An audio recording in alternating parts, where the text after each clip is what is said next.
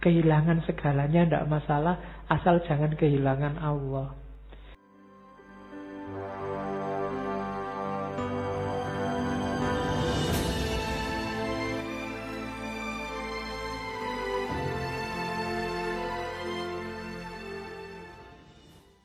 Satu ketika dia sama Hasan Basri, sama-sama dari Basroh, sedang ngobrol. Tiba-tiba Hasan Basri, Robiah, sholat yuk. Terus Hasan Basri ini ingin pamer bahwa dia juga punya karoma. Ngambil sajadah, naik ke atas air sungai, terus sajadahnya digelar di sungai. Sholat di atas itu, tapi Robiah ketawa aja. Eh Hasan Basri kalau kamu mau pamer nanggung, gini aja terus Robiah melemparkan sajadahnya ke udara. Ayo kita sholat di atas saja. Sekalian biar orang lihat sak kota. Apa kayak gini nih bu anggap istimewa? Kalau sekedar bisa jalan di air, ikan juga bisa. Terbang kayak gini nih, burung sama lalat juga bisa. Tidak ada istimewanya. Yang istimewa adalah istiqomah kita di jalannya Allah ada pencuri itu masuk ke rumahnya Robi'ah. Begitu di dalam pencurinya bingung sendiri. Apa yang diambil? Tidak ada apa-apa di rumahnya Robi'ah. Pencuri tidak cerdas. Wong ngerti orang miskin tidak punya apa-apa. Zuhud uzlah kok dicuri. Tidak ada apa-apa. Kabarnya hanya ada kendi satu. Itu pun nggak berharga. Terus pencurinya ah daripada nanggung sudah kendi ini dibawa. Begitu kendinya diangkat dia mau keluar pintunya hilang. Dia nyari pintunya tidak ada, kendinya dikembalikan lagi, pintunya kelihatan. Ah itu pintunya di situ ya pokoknya terus tak ambil lagi kendinya, hilang lagi pintunya. Itu karyawannya Robiah. Tapi pagi-pagi Robiah ngerti, wah kasihan sekali kamu ke sini nggak dapat apa-apa. Yuk tak kasih sesuatu biar pulangnya tidak tangan hampa. Sama Robiah tidak dikasih barang, tapi dia jadi bermunajat berdoa pada Allah. Nanti kabarnya maling ini akhirnya jadi salah satu pengikutnya Robi'ah. Ya Alhamdulillah malingnya di rumahnya Robi'ah. Keluarnya jadi sufi. Nah, iya kan, maling di rumahnya wali kan ya keluarnya jadi wali. Oke, kalau kamu maling di rumahnya orang kaya, ya keluarnya bonyok kamu dipukuli. Ketahuan. Ada cerita khalifah raja salah satu wilayah juga atau gubernur ingin melamar dia, tapi semua tidak ada yang diterima. Suatu ketika ada banyak orang datang, semua ingin ngelamar. Robiah disuruh milih, terserah milih yang mana. Ada wali, ada sufi, ada yang muda terus.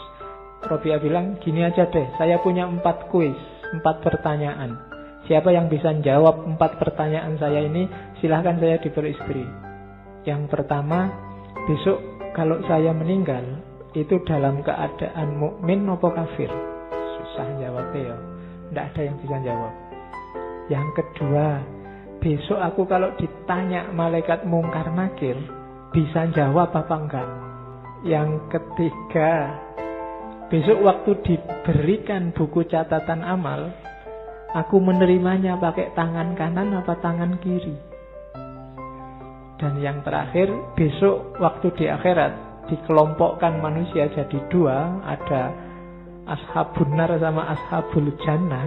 Aku ada di mana? ada di grup mana. Oh, itu kan jawabnya susah itu, tidak ada yang bisa. Memang niatnya nolak. Nah, jadi bisa kalian pakai sebagai modus kalau ada yang nembak. Mau nolak, ah tak kasih empat pertanyaan. Kalau bisa jawab, menikahi aku. Nah, itu Robiah. Ada lagi Hasan Basri. Hasan Basri ini termasuk yang ngebut pingin nikahi Robi'ah. Satu ketika sama Robi'ah dijawab begini, eh Hasan Basri, Allah itu menciptakan akal berapa bagian? Jawabnya Hasan Basri, sepuluh bagian. Sembilan dikasih ke laki-laki, satu dikasih ke perempuan. Terus Allah menciptakan syahwat berapa bagian? Sepuluh bagian juga. Sembilan dikasih perempuan, satu dikasih ke laki-laki. Terus ketawa Robi'ah. Nah gimana kamu? Nafsu satu dikawal akal sembilan aja kamu pontang-panting. Aku nafsuku sembilan dikawal dengan akal satu bagian aja aku kuat. Nah, itu pelecehannya Robiah pada Hasan Basri. ya, dan Hasan Basri akhirnya mundur, tidak jadi dan sampai meninggal Robiah dikenal tidak menikah. Kalau meninggal jadi waktu Robiah mau meninggal itu kan sahabat-sahabatnya Sufi pada datang tapi sama Robiah diusir. Jangan ke sini semua itu loh para malaikat yang mau datang jadinya nggak bisa lewat jadi semua disuruh semua disuruh keluar dari kamarnya terus beliau meninggal. Di dalam usia 80 tahun lahir 714 Masehi meninggal 790 6 80 Banyak hartawan yang ingin bantu. Ada cerita seorang hartawan ingin bantu Robiah Cuma takut karena dia tahu pasti ditolak. Akhirnya melalui sahabatnya Sufi Namanya Sufyan Sauri. Pak Sufyan, Mbok tolong saya ingin bantu Robiah Cuma Robiah ini mesti tidak mau. Mbok sampean yang ngomong. Sofyan Sauri ya sudah coba tak bantu. Bilang Mbak Yu Robiah ini loh. Saya ke sini sebelum sebelum Sofian Sauri ngomong ada apa sih? Apakah ada yang mau ngasih bantuan aku?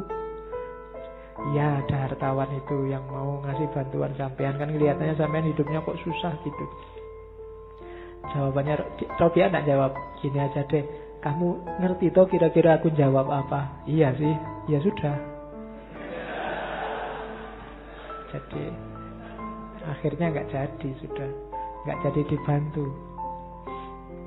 Oke, jadi ada cerita lagi satu ketika Robiah ini punya puasa. Dia merasa nanti maghrib buka puasa, aku masih punya bawang satu untuk buka puasa. Jadi buka puasanya pakai bawang. Begitu maghrib mau buka puasa ke dapur, lo bawangnya kok ndak ada. Ya sudahlah pakai air aja. Eh tiba-tiba ada burung lewat jatuh bawa bawang satu dijatuhkan di depan Robiah. Robiah lihat bawang itu, anda usah nanti tipuan, nanti aku jadi manja. Pingin opo-opo langsung datang. Kalau kamu kan seneng, bayangkan tiba-tiba datang. Tapi kalau Robiah enggak, enggak ah. Kalau diginiin terus sama Allah nanti jangan-jangan aku manja. Enggak usah tak ambil bawangnya. Cukup dengan air saja. Nah itu Robi'ah. Ya jangan disamakan jiwanya kayak kalian. Tapi pelan-pelan bisa ditiru. Oke. Itu ini juga ada satu cerita satu ketika Robiah ini jatuh, tangannya patah.